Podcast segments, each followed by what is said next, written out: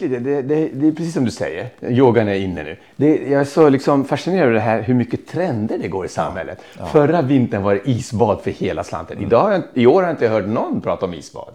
Knappt. Precis. Ehm, det går så mycket ja. roliga olika trender.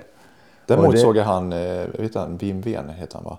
Wim Hof. Wim Hof, ja precis. Han hade ju varit ute med någon, bland en före detta fotbollsspelare och hade sprungit upp för något berg. I 18 minusgrader. Endast eh, deltagarna och han då endast iklädd, en, de hade ryggsäck med sig och shorts och eh, vantar och mössa och strumpor. Ja. Och, och, skor alltså. Ja. Men sprang i shorts och bara överkropp. Vi kan mycket väl prata om Wim Hof. Han tycker jag är väldigt fascinerande. Vi har varit inne på honom förut. Alltså han tänjer ju gränserna för det som vi tror inte är möjligt. Han är naturkraft som jag har sett det. Liksom. Han är burdus och, och högljudd och stökig och sådär. Men gör saker som är helt obegripliga för mm. många människor. Mm. Och de som inte har hört namnet förut, Wim Hof är en holländsk köldkonstnär får man väl kalla honom för mm. egentligen. Som har specialiserat sig på att uthärda och leva i kyla. Um, till exempel genom att springa. Mm. Um, Han har sprungit barfota bland isblock och isberg och sånt där. Ja. Uh, har jag förstått, långa ja. sträckor. Och... Han, han, var ju och sprang um, uppe i norra Skandinavien, om det var i Rovaniemi. Jag tror det var Rovaniemi 150 eh, kilometer som är ett lopp. Mm. Jag tror det var den som han var med i som han sprang i sandaler och badbyxor. Eh, bara. Och det är flera år sedan det här. Sen dess har han gjort massor med saker. Han ligger ju i isvatten eh, så otroligt länge. Det pratade vi om lite grann tror jag förra ja, gången. Precis. Det är, det är obegripligt. obegripligt, onormalt länge om man säger så. Ja, att man tänker ja. att kroppen borde bli nedkyld. Och, ja. och, men... och, du hade sett någon siffra på att hans kroppstemperatur hade sjunkit ner till 36,7 eller något sånt där grader från 37 grader. Ja, men det är ju inte mycket. Det är ingenting. Nej. Och då hade han legat i en halvtimme i nollgradigt vatten. Ja. det var. Ja, ja. ja det.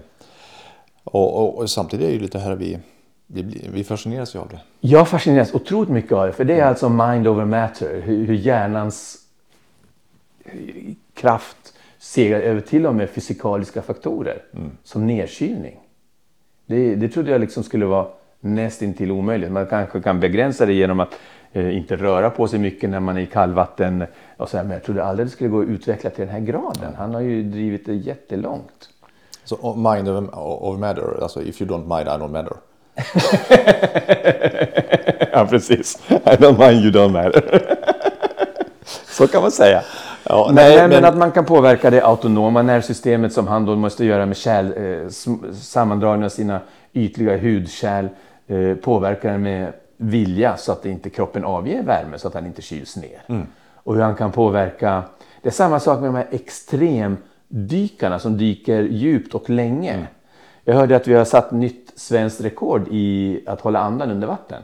Mm. En tjej som har satt svenskt rekord 7 minuter 7 sekunder. Och hon hade, det var en vanlig tjej och hon hade tränat upp sin förmåga undan för undan.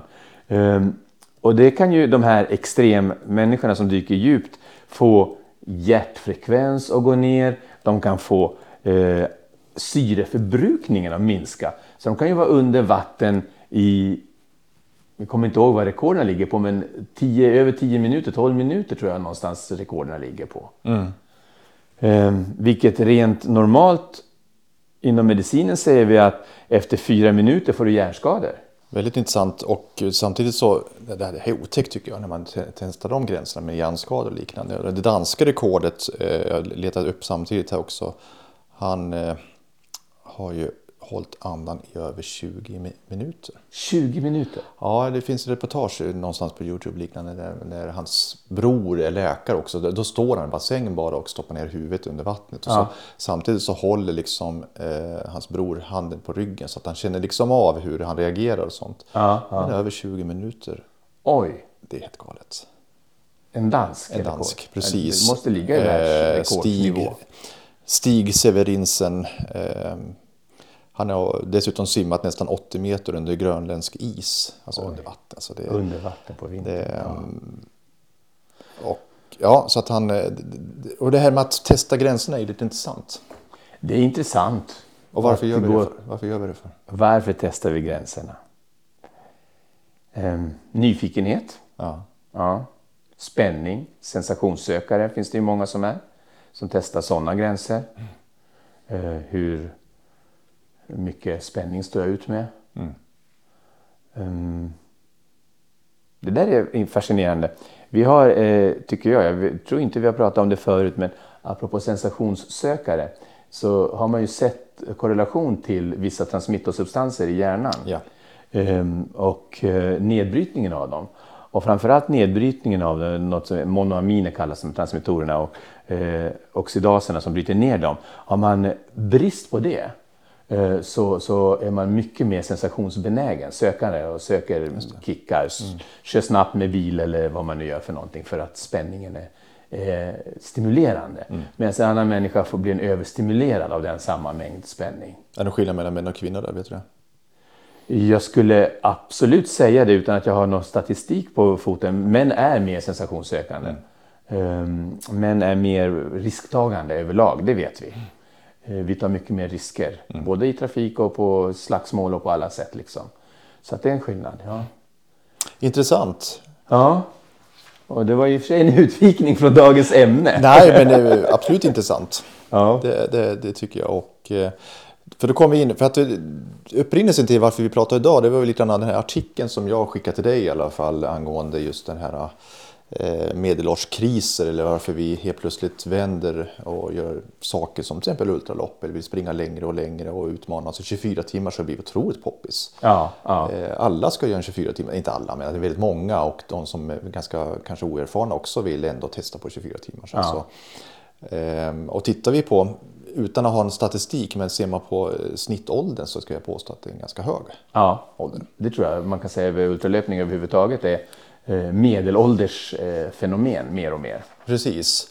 Och den artikeln som vi pratade om här var ju en som var i Dagens Nyheter som, som handlar om så, så vet du att du befinner dig i en ålderskris. Och, eh, det här är ju lite intressant område. Frågan, först och främst är frågan handlar det om kris eller inte. Det, det, kan jag tycka jag känner mig tveksam till. Ja, jag tycker också det ordet är felaktigt. det var ju som när jag fyllde 40 så fick jag en eh, start i Vasaloppet. Ja. Och då fick jag direkt höra, ja men eh, jaha, det är en sån här kris du är inne i. Eh, och jag, för mig var det ju, ja inte riktigt kanske precis rätt läge i och med att barnen fortfarande var någorlunda små. Men det var ändå liksom kul-grej tyckte jag, men det var liksom ingen kristanke och det fick jag dessutom som en gåva. Men det är ganska intressant när man, när man gör någonting eh, som man inte gjort förut så, så ska det kopplas till en kris. Ja, ja, att ja. Någon, eh, varför börjat springa så mycket för? Eller varför du så hårt för? Eller, jag, jag, tycker ordet kris är felaktigt, precis som du säger. Det, mm. det behöver inte nödvändigtvis vara en kris, utan det är en förändring. Ja. ja. Och jag tycker det till och med kanske är en sund utveckling, en mognad, en förändring i att man stannar upp i livet eh, och tänker så här långt har jag kommit ehm, och eh, vart ska jag ta vägen nu? Mm. Vad ska jag göra efter? Ehm, det som är lite intressant i det här fallet eh, det var att jag slog upp begreppet medelålderskris. Det var ett begrepp som myntades på 60-talet. Och det var när vi började få ungdomskultur. När det var coolt att vara ung, när det var häftigt att vara ung. Och inte som det var innan dess, att det var häftigt att vara gammal. Ja, just det. Precis. Eh, det där tycker jag är spännande för att nu i dagens samhälle så har vi en ungdomskult. Alla ska se unga ut och vara pigga och vackra och så.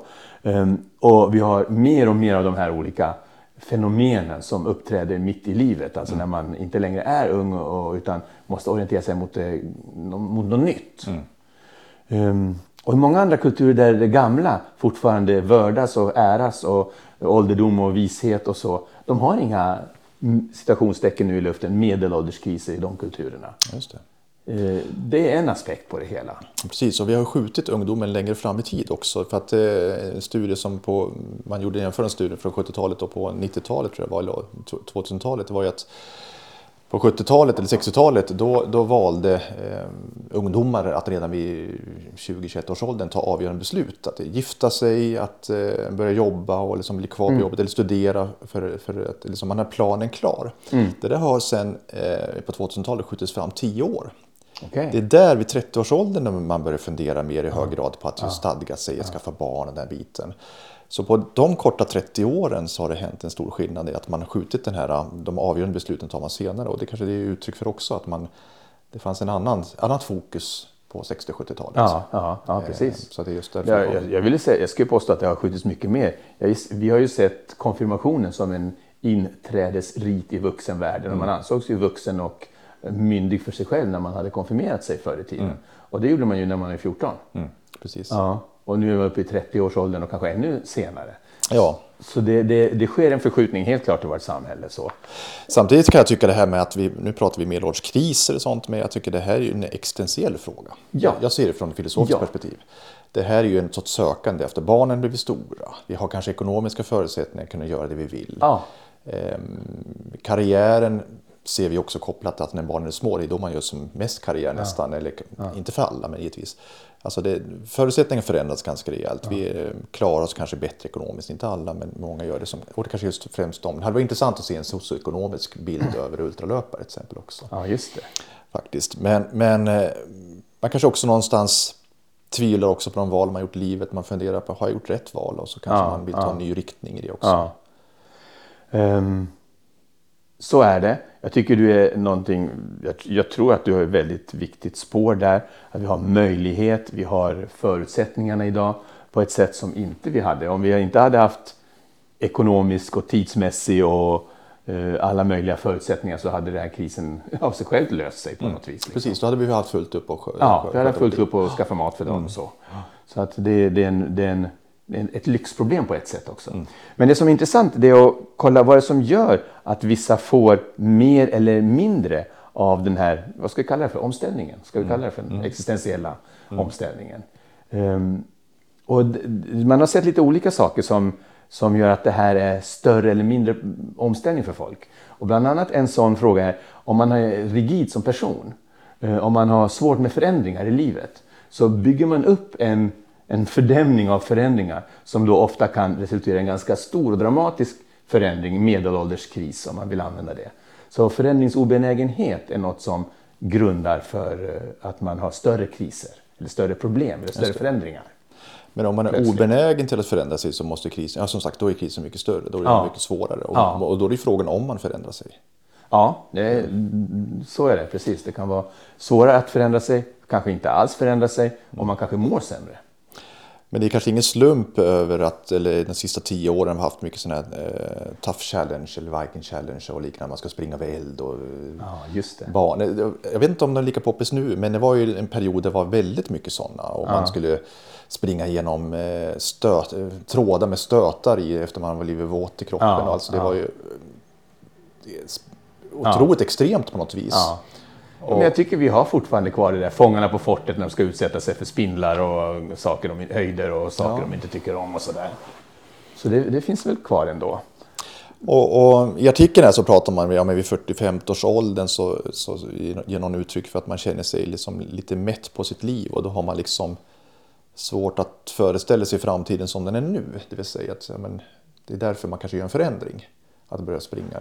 Jag menar, om man känner sig mätt och tycker att livet är bara mellanmjölk hela dagarna och allting, ja. det händer ingenting ja. och känner ska jag fortsätta så här fram tills jag dör? Ja, eh, då får man ju existentiell, eh, kanske inte ångest i och för sig. Jag kan prata om ångest som ett, som ett positivt. Så ja. Ångesten är ett uttryck för att någonting gnager i, i mitt liv och jag måste göra en förändring. Ja, ja. Eh, men och är man, är man lite sund i sitt huvud då så kanske man måste göra en förändring. Ja. Och det är väl det, snarare de som inte gör utan tänker acceptera någonstans att det kommer fortsätta vara så här tråkigt. Ja, då är det större risk tror jag att man går in i olika dåliga måenden, ja. depression och annat. Precis. Och samtidigt finns det också, det, det är många som strävar efter att försöka vara lika stark och vital som var som 18-åring och springa lika snabbt och liknande mm. också. Mm. Där kanske vi får lägga ner den biten. Då, då är vi inne på det här som jag brukar prata om, förgänglighet och dödlighet och att mm. vi börjar inse att vårt liv har en begränsning och ett slut. Mm. Precis. Och det är väl väldigt existentiellt. Så att där står vi någonstans och eh, jag tycker det är jättespännande att fundera på. Och du, både du och jag har ju gjort det här valet att gå in i ultralöpningen. Mm, mm. Vad var det som gjorde att du ville? Var det gemenskapen eller var det någonting som ville utmana dig själv eller vad var det? Jag älskar den stämning som finns i ultralöpning men det var därför, definitivt inte därför jag började med ultralöpning. Um, ultralöpning är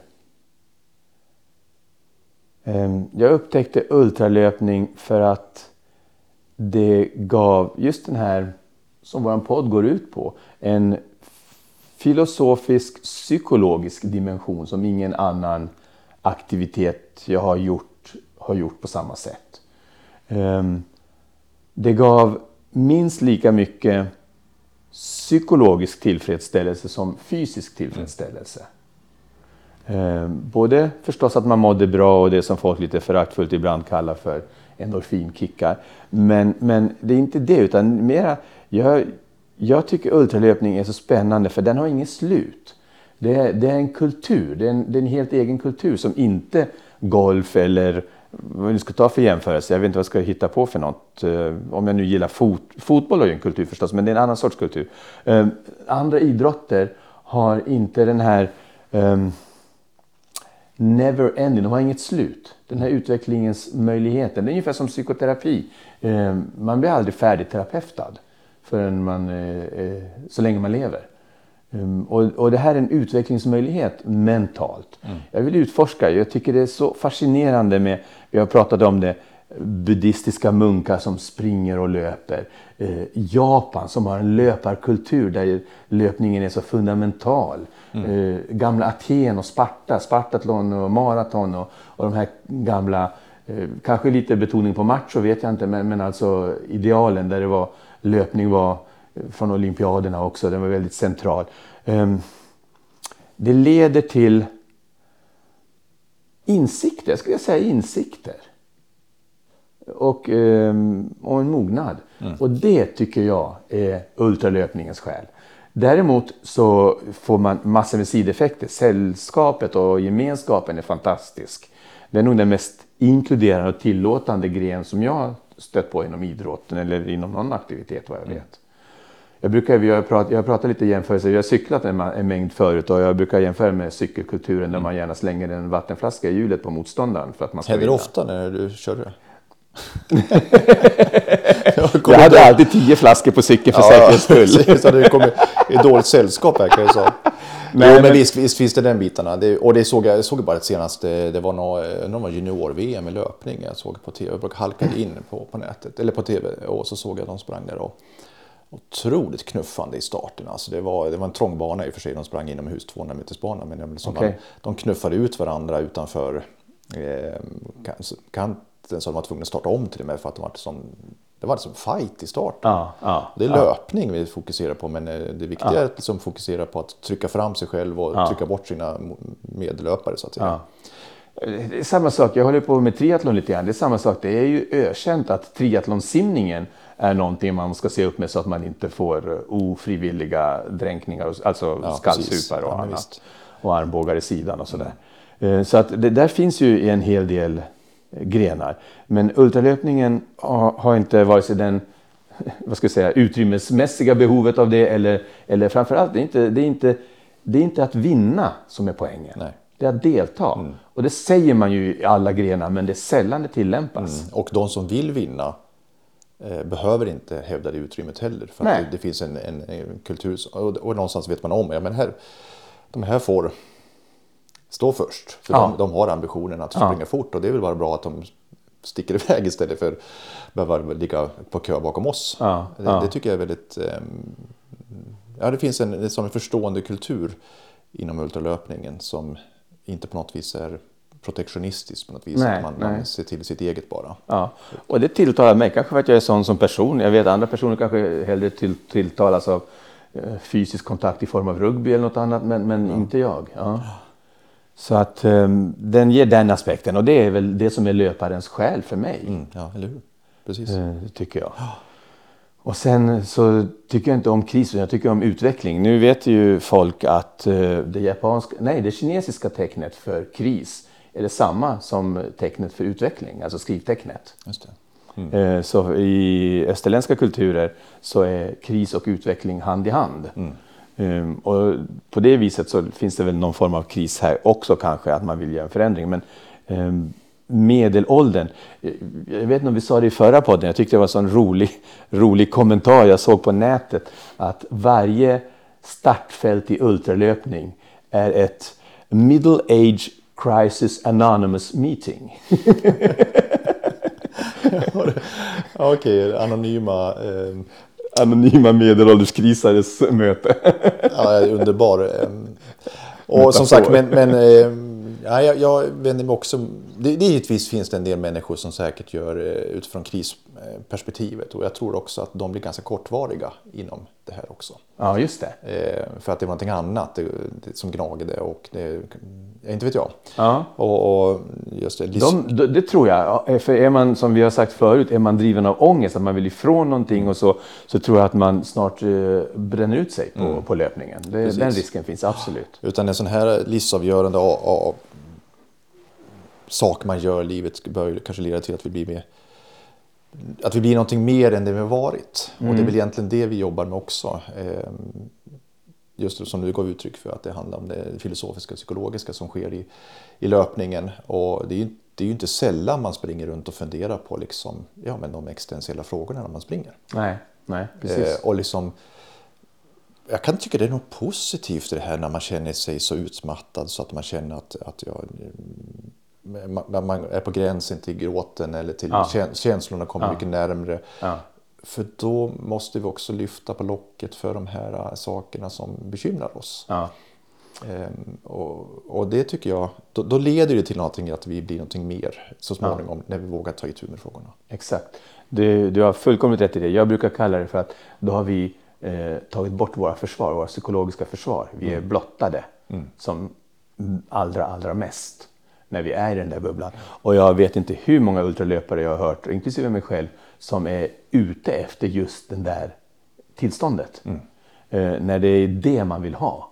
Eh, när man är bara sig själv och totalt utlämnad och sårbar och eh, mycket känslor, både glädje och gråt och skratt samtidigt och, och så. Mm. Det, det tillståndet. Och det tillståndet, det är där, det är där jag menar att um, det har så mycket likheter med till exempel terapier, psykoterapier. Det går ju också på att uh, ta bort ens olika psykologiska försvarsmekanismer som man kommer åt människan bakom. Mm. Eh, det som då kanske lite flummigt eller odefinierat kallas för jaget. Ehm, och det är det som jag förstår att du menar, i alla fall det mm. jag hör ja, att precis, du menar. Absolut. Ja. Det, och det, den sidan bör vi kanske oftare komma i kontakt med. Ja, ja. Det... Det, det är så starka och det är där utvecklingen kan ske. Mm. Och det är där utvecklingen också verkligen sker. Det är då jag förändras och påverkas. Um, så länge mina försvar är uppe så, så blir det väldigt ytliga eh, påverkan och känslor och um, ingen förändring kommer till stånd. Men när man är blottlagd på det viset, mm. det är då man verkligen förändras. Jag tror att, eh, det här har vi säkert pratat om förut också, den gemenskapen man kan uppnå med en annan människa som är sådär, den är så djup så att jag brukar säga att jag känner dem bättre än mina egen, min egen familj. Mm, mm. Eh, för man kan få en sån grundläggande djup relation mm. helt enkelt. Och i ett ultralopp så, så kommer ju den här minikrisen upp däremot som jag tycker är intressant. Ja, eh, för det sker ju en kris i ultraloppet också ja. när man känner att man tvivlar eh, känslorna går upp och ner. Ja. Eh, en sekund känner man man grubblar liksom och kanske flera mil så grubblar man någonting. Samtidigt så, så sprudlar glädje för att man kommer i kontakt med en annan person som, man, som du pratar om också, att man träffar en annan person och man får energi och liknande. Alltså det här är ju det är, en kris som är positiv på så vis för att den är inte så jämngrå som en, en, ångest, depression skulle kunna vara som Nej. jämt är grå eller ännu gråare, svart kanske ibland också. Mm. Mm. Utan här går det lite upp och ner och det är kanske det som är en utvecklande kris ja. vi pratar om här. Jag tror vi går igenom många kriser och varje gång vi kommer över de kriser, varje gång mm. vi inte bryter när jag känner mig trött eller, eller så, så uh, ha, har vi lärt oss något och fått till oss något psykiskt. Uh, blivit lite klokare, lite visare, lite uh, faktiskt lyckligare. Precis. Den här Erik Holmberg Eriksson, han är ju en utvecklingspsykolog. Psykoanalytiker. Psykoanalytiker, ja, precis. precis. Han pratar om att det finns åtta olika livsfaser ah. i, i, livet. Ja. Han har olika... Eh, han, han menar att livet att man går igenom olika utvecklingsskeden i livet där varje skede kan lyckas och då kan man gå vidare till nästa steg eller så kan man misslyckas och då får man olika eh, negativa konsekvenser av det. Um, och det här vi har pratat om med medelålderskrisen, det, det, det, kallar han för generation eller stagnation. Att ändra så eh, kommer vi till en punkt psykologiskt... Integration vi... va? Vad sa du? Är det inte integration och stagnation? Jag tycker du sa generation. Ja. ja integration In... eller stagnation. Man så integrerar kan. tankarna och utmaningarna. Ja. Eller så stagnerar man, att man klarar inte av utmaningarna. Nej, precis. Exakt ja. så. Ja. Uh, och stagnation kan ju hända och, och, vi kan bli fast i det. Men om vi lyckas komma förbi det så, så integrerar vi och kommer till eh, ytterligare ett steg mm. framåt. så. Jag vet inte om vi ska utveckla det mer. Nej, men det är väl det han menar också, att varje livsfas vi går igenom, allt första tror jag är upp till ett och ett halvt års ålder. Det handlar om enkla saker, att kunna lära sig gå och sådana saker. Ja. Men, men klarar man inte den eh, övergången till nästa liksom, eh, partdel i livet så får man problem. Ja, och man måste övervinna alla de här stegen. Och ja. inte minst också vid 50 plus års åldern pratar han som sista steget. Och att faktiskt acceptera viss mån också. Vi blir äldre, vi blir lite snabbare, vi, ja. vi um, läker långsammare. Ja. Vi snappar inte upp saker lika snabbt som våra unga runt omkring oss och liknande. Men vi har andra kvaliteter som vi kanske kan utnyttja och ja. även eh, kultivera. Och målet är väl någonstans enligt hans teori att kunna ge vidare våran, att acceptera att vi är gamla, vi är på väg bort och ge vidare vår kunskap, vår makt, vår position till, eh, till nästa generation. Mm. Uh, inte bara familjegenerationer utan på jobbet, att man kan släppa fram unga karriärer Precis. och sådär. Ja, det är nog svårt för många. Det är jättesvårt för många. För att ja. vi vet ju bäst. Ja. ja värsta är ju sådana i vår ålder. ja men sådana gurus som alltid varit med, ja men de där vet alltid och, det, då, då, då, är det en varningssignal. Alltså det, är ja. bara, det är bara backa. Ja precis, så är det. Men så har vi de här extremerna. Jag kommer tänka på, alla blir ju fascinerade över Barkley Marathon och sånt där. Ja. Sådana här som jättefå har klarat av för att det är omöjligt och ändå ska vi ge oss, ge oss på dem. Det finns ju, det där tycker jag också är fascinerande ja, jag, jag, vet inte vad jag ska kalla det riktigt. Vi kan kalla det för extremism. kan vi kalla det för. Mm. Um, inom alla områden i livet, även inom löpningen. Um, vi såg ju, nämnde vi det förra podden, om det här tunnelloppet? Nej, det gjorde vi inte. Vi pratade, vi, några innan vi pratade om det tror jag. Ja. Det finns ett lopp i England där man ska springa eh, på ett sätt som är så sinnesintrycks depriverad. Så man tar bort sinnesintrycken. Man springer i en skum tunnel på en rak asfaltsbana. En, en mile var det långt. Och sen så vänder man, så springer man tillbaks eh, för att tunneln var inte längre. Och sen ska man hålla på så i, var det 24 timmar eller var det ännu längre? Var det, ja, det var väl något sånt där tror jag. Eller hur det var. Och man ska bara vara i den här tunneln som dessutom spelar konstig psykedelisk musik och ljusen pumpar blinkar vad jag förstår. Just för att man skulle försöka ta bort alla sinnesintryck. Ja. Um, som jag förstått det. Och det är ett sätt att på något vis möta sig själv. Jag vet inte riktigt vad poängen med tunnelloppet är. Men, men jag, jag förmodar att det är det de försöker komma efter. Och det finns ju andra sådana här också. Du pratade om den här när man ska springa runt sitt eget kvarter i New York. Ja, precis. En månad springer man varje ja. dag, hela dagarna. Ja. Eh, Hela tiden. Så man äter och dricker och sen springer man ja. och sover. Ja. och runt samma kvarter på en och en halv Ja, i, i det bruset som finns i och springa på asfalt. Ja, det, är, ja. Det, det, är extremt och det här är lite, men någonstans fascinerande. Jag, jag fick, eh, hade kontakt med han, eh, han kallar sig coach Chris, Christian i Hofors bara okay. några mil härifrån. Mm. Han har ju nu lanserat någon eh, variant av Barkley Marathon som går 1 april. Det, det är inget eh, aprilskämt utan Nej. det här det. 25 platser och ungefär samma upplägg. Det ska inte vara så svårt att orientera förstår jag men, men eh, där är tanken att det kommer att vara ett varv som är då på 35-40 kilometer ja. ungefär och eh, springer man fel så springer man längre givetvis. Ja. Eh, men det ska inte vara svårt med orienteringen. Men det ska vara tanken här just och det är poängen att det ska vara trist, det ska vara kallt, det ska vara eländigt. Så att, eh, tanken är liksom att eh, efter första kilometern så ska man vara genomsur i fötter och allting för att man har gått igenom någon myr och liknande. Så det är det som är poängen okay. någonstans för att byta okay. ner jag vet inte, nu, det är inte så att jag säljer in loppet särskilt bra just nu.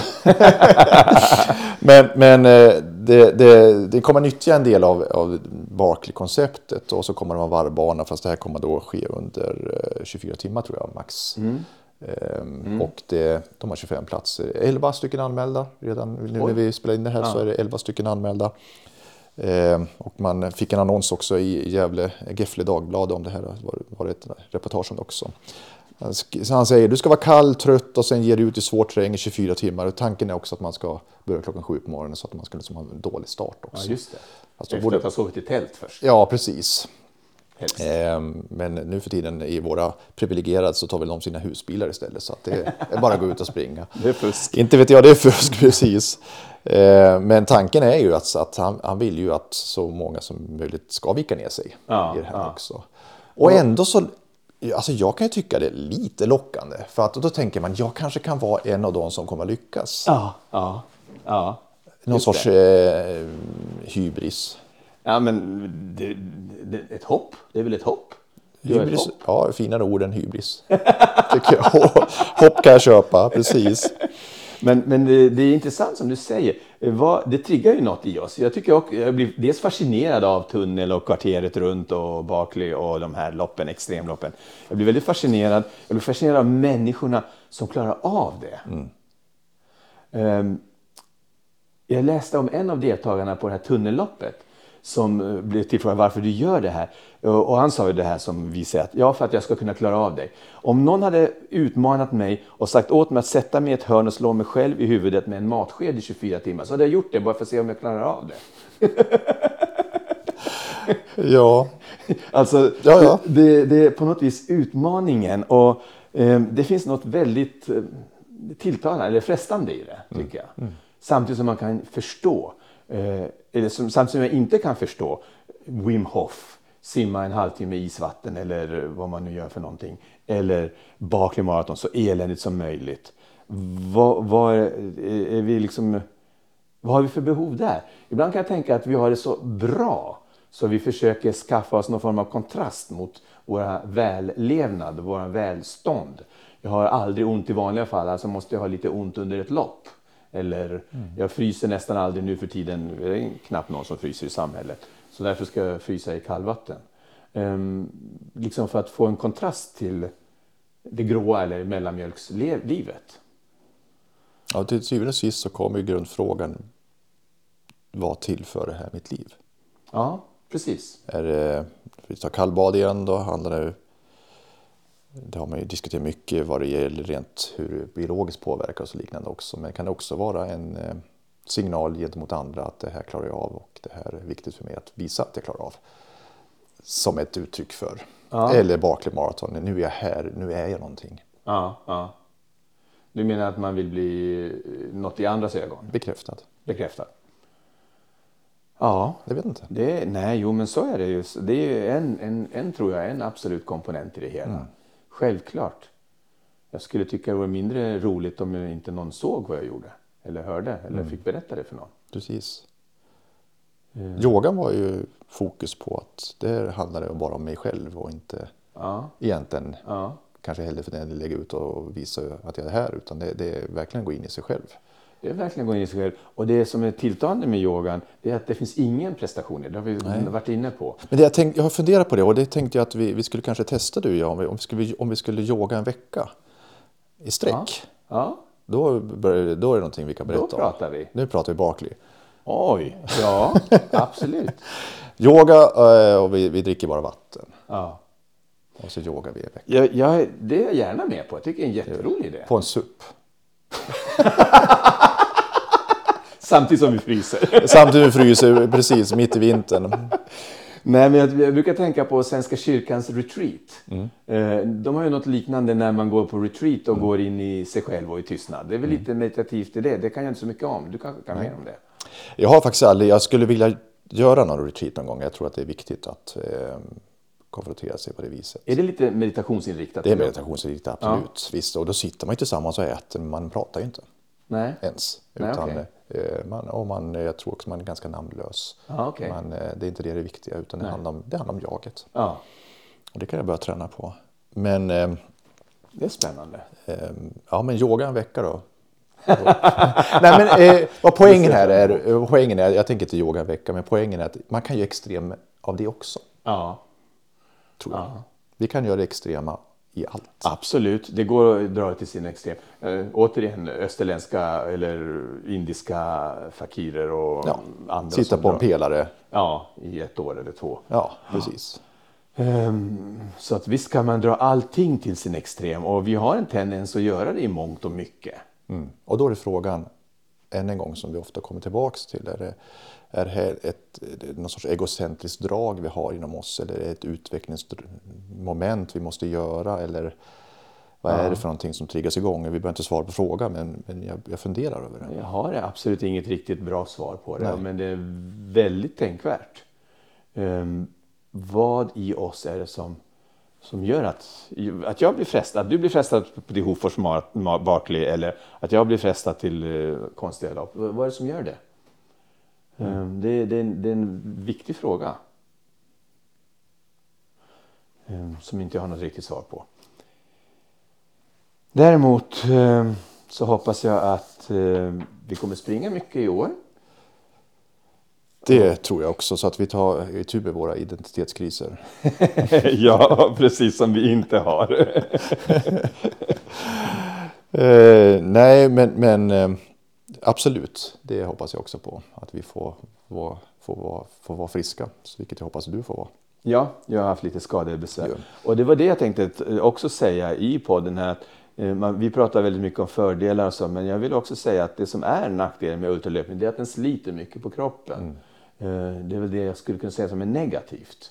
Att man, att man får skador, både, kan få både psykologiska skador i form av ortorexi som vi varit inne på, eller fysiska skador av mm. olika slag. Det är väl liksom eh, baksidan av det här myntet. Eh, annars i jakten på oss själva som jag ser det. Mm. Och just nu florerar ju, diskuteras det ju den här frågan, ja men behöver vi verkligen träna så mycket som vi gör för att kunna klara ett ultralopp? Det har precis i dagarna kommit ut artiklar om det. Och, eh, du har sett också precis just att ja, men det kanske räcker med några, någon mil eh, per dag eller liknande. behöver kanske inte köra så mycket som man har 15-20 eh, mil i veckan. Liknande. Frågan är ifall det... Det går stick i stäv mot det här att du blir bra på det du gör. Ja, fast jag tycker, jag följer ju till exempel Tobbe Gyllenbrink på, eh, på Strava och han kör sina 12-15 kilometer varje kväll. Inte alls varje kväll heller för den delen. Och han ligger där och kör något längre pass ibland bara. Men vi ser ju att han presterar ju väldigt långa sträckor. Ja, ja, ja. Så att det här är lite intressant också. Det är väldigt vi... intressant. Och, och, då kommer vi in på det här att um, ultra är kanske mera psykologiskt uh, än uh, fysisk prestation. Mm. Visst, samtidigt är det häftigt. Jag läste en annan artikel igår. Det var en tjej i, tror det var England, fast jag är osäker nu. Hon hade sprungit eh, 50 kilometer varje dag de sista tre månaderna. Oj! Ganska, 50 kilometer, en maraton ja, drygt, en ultra. Ja, en ultra varje, varje dag. Dag i tre månader. Ja, ja. en ganska ung tjej. Så att, eh, det går ju också att göra. Ja, ja. Det är häftigt. Duktig ultralöperska givetvis. Ja, och Björn Sunesson som vi intervjuade för några avsnitt sedan som springer varje dag och är 70 plus och mm. gammal han är och springer extrema. Både mängdmässigt och distansmässigt. Mm. Häftigt. Ja, vi får ta med oss de här um, utmaningarna vi har pratat om också och fundera på om det är en kris. Och hoppas ja. att ni, ni som lyssnar också funderar lite på det. Som är, jag tror inte det är kris, vi behöver inte ta så allvarligt på det, men uh, man kan ju fundera på det. Ja, precis. Um, det jag skulle kunna säga det är att om man nu har en medelålderskris um, så finns det faktorer som kanske är bra att nämna som kan mildra eller minska eh, omfattningen av krisen. Um, och det man har sett det är att um, vissa kanske självklara saker uh, gör att folk inte får medelålders förändringskriser. Och en har vi redan varit inne i, förändringsbenägenhet, att man är beredd att pröva sitt liv, ompröva sitt liv och göra förändringar som livet kräver och som uh, psyket kräver. Det är en, en sån sak. En annan uh, motverkande eller vaccinerande faktor är att man lever i nuet. Mm. Att man är, det här med mindfulness tänker jag på, det är ju väldigt populärt nu uh, och det ligger något i det. Um, och jag som gillar österländska filosofier, det är också en österländsk uh, sak. Men att man har en förmåga av att njuta och uppskatta och leva fullt ut i mm. nuet. Mm. Lättare att säga än att göra. Mm. Vi har ofta drömmar och planer och, och, och, sånt som vi hellre ibland lever i. Mm. Jag lever hellre i en tid när min häl åter börjar fungera. Ja, mm. Så. Men förmågan att eh, leva i nuet är en, en motverkande faktor. En annan sån här motverkande faktor är att man har god självkännedom och det är ju våran käpphäst. Mm. Man måste känna sig själv, man måste förstå sina egna behov, sina egna eh, kanske lite djupare lagda känslor, tankar och önskningar. Mm. Det är en god vaccination mot olika former av kriser. Just det. Bra. Ja. Bra. Ja, nu blir man ju sugen när man tittar ut genom fönstret och solen skiner. Ja. Och tar sig ut. Det är fint väder både för löpning och för här uppe i Dalarna för vintersporter. Jag hoppas att folk kommer ut och tar vara på dagen. Och eh, att vi hörs igen snart. Det gör vi. Tack för idag och kom ihåg löp väl ute. Hej. Hej.